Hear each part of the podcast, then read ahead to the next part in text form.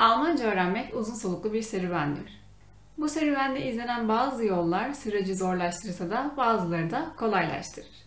Bu videoda sizlere Almanca öğrenme sürecinizi kolaylaştırmanıza yardımcı olacak 5 yöntemden bahsedeceğim. Hazırsanız başlayalım. Almanca'da isimlerin artikelleri vardır.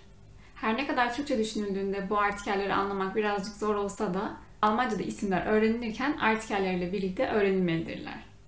Almanca'da ismin yalın halinde dört temel artikel vardır ve ismin haline göre bu artikeller değişiklik gösterebilirler. İlk başlarda kelimelerin artikellerini akıllı tutmakta zorlanabilirsiniz. Böyle bir durumda hatırlayabilmek için renk kodlarını kullanabilirsiniz. Yani artikeli D olan kelimeleri mavi kalemle yazabilir, D olanları kırmızı ile yazılabilir, DAS olanları da yeşil ile yazabilirsiniz. Renklendirme tamamen size kalmış. Böylece renk kodlarıyla beraber kelimelerin artikellerinin ne olduğunu hatırlamak sizin için daha kolay olabilir. Kelimelerin artikellerini hatırlamakta zorlanıyorsanız farklı yöntemlerde izleyebilirsiniz. Burada size bir görsel oluşturma yönteminden bahsedeceğim. Bunu Almanca kursunda bize bir öğretmenimiz öğretmişti. Ben de ilk başlarda bu yöntemi kullanarak birçok kelimenin artikelini aklımda tuttum ve hala da tutuyorum. Bu görsel oluşturma yönteminde aynı artikele sahip 4-5 kelimeyi bir araya getirebilir ve kafanıza hikayelendirebilirsiniz. Buna bir örnek verecek olursak pencere, piyano, resim ve de bisiklet kelimelerinin artikelleri Almanca'da das'tır. Bunu kafanızda şu şekilde görselleştirebilirsiniz. Bir pencere var ve pencerenin üzerinde bir resim asılı. Pencerenin iç tarafında bir piyano varken dış tarafında ise bir bisiklet var. Eğer aynı artikellere sahip kelimeleri bu şekilde bir görselde toparlarsanız aklınızda tutması daha kolay olacaktır. İkinci bahsetmek istediğim yöntem ise post-it yöntemi. İlk başta öğrendiğiniz kelimeleri aklınızda tutmak birazcık zor olabilir. Böyle bir durumda günlük hayatta sıklıkla kullandığınız bilgisayar, telefon, kapı, ayna gibi nesnelerin üzerine o kelimelerin Almancalarını yazabilirsiniz. Tabii ki artikelleriyle birlikte. Buna ek olarak bu nesneleri kullanarak gerçekleşen eylemleri de yazabilirsiniz.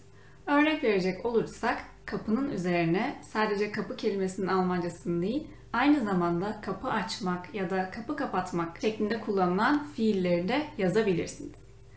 Böylece günlük hayatta kullandığınız nesnelerin isimlerini daha çabuk bir şekilde öğrenebilirsiniz.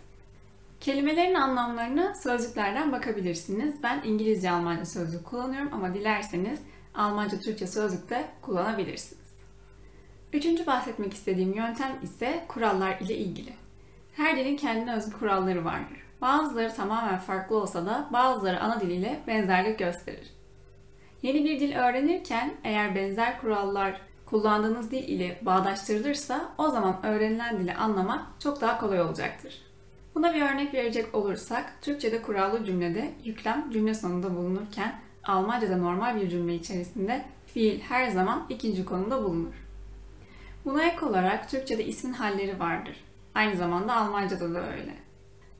Çoğu fiilin hangi nesne ile kullanılacağı Türkçe düşünülerek bulunsa da istisnaları göz ardı etmemek gerekir.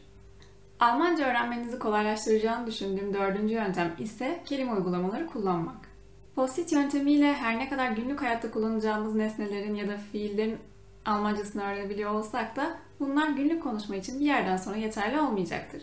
Böyle bir durumda Memrise gibi bir kelime uygulaması kullanarak kelime bilginizi geliştirebilir, günlük tekrarlar ile öğrendiklerinizi pekiştirebilirsiniz. Almanca kursuna giderken kursta öğrendiklerimin yanı sıra Memrise uygulamasını kullanıyordum. Böylece daha hızlı bir ilerleme kaydettim. Bahsetmek istediğim beşinci yöntem ise seviyeye uygun içerikler ile çalışmak. Öğrenilenleri pekiştirmek için doğru ve seviyeye uygun kaynaklardan yararlanmak önemlidir. Eğer başlangıç seviyesindeyseniz ileri seviyede bir film ya da dizi izlemek motivasyon kaybına sebep olabilir. Bu nedenle doğru kaynağı seçmek oldukça önemlidir. Başlangıç seviyesindeyseniz size tavsiyem çizgi film izlemeniz. Buna ek olarak yine başlangıç seviyesine uygun alıştırmalarla çözebilirsiniz. Almanca öğrenirken pekiştirme yapmak için kullanabileceğiniz ücretsiz kaynaklar için yukarıdaki videoya göz atabilirsiniz. Özetleyecek olursak Almanca öğrenmek uzun soluklu bir serüven. Bu serüveni zorlaştıran yollar olsa da kolaylaştıran yöntemler de mevcut. Peki ya siz Almanca öğrenmeyi keyifli ve kolay hale getirebilmek için hangi yöntemleri izliyorsunuz? Aşağıya yorum olarak bırakabilirsiniz. Bu videonun yazılı haline web sitemizden ulaşabilirsiniz. Bir sonraki videomuzda görüşürüz. Hoşçakalın.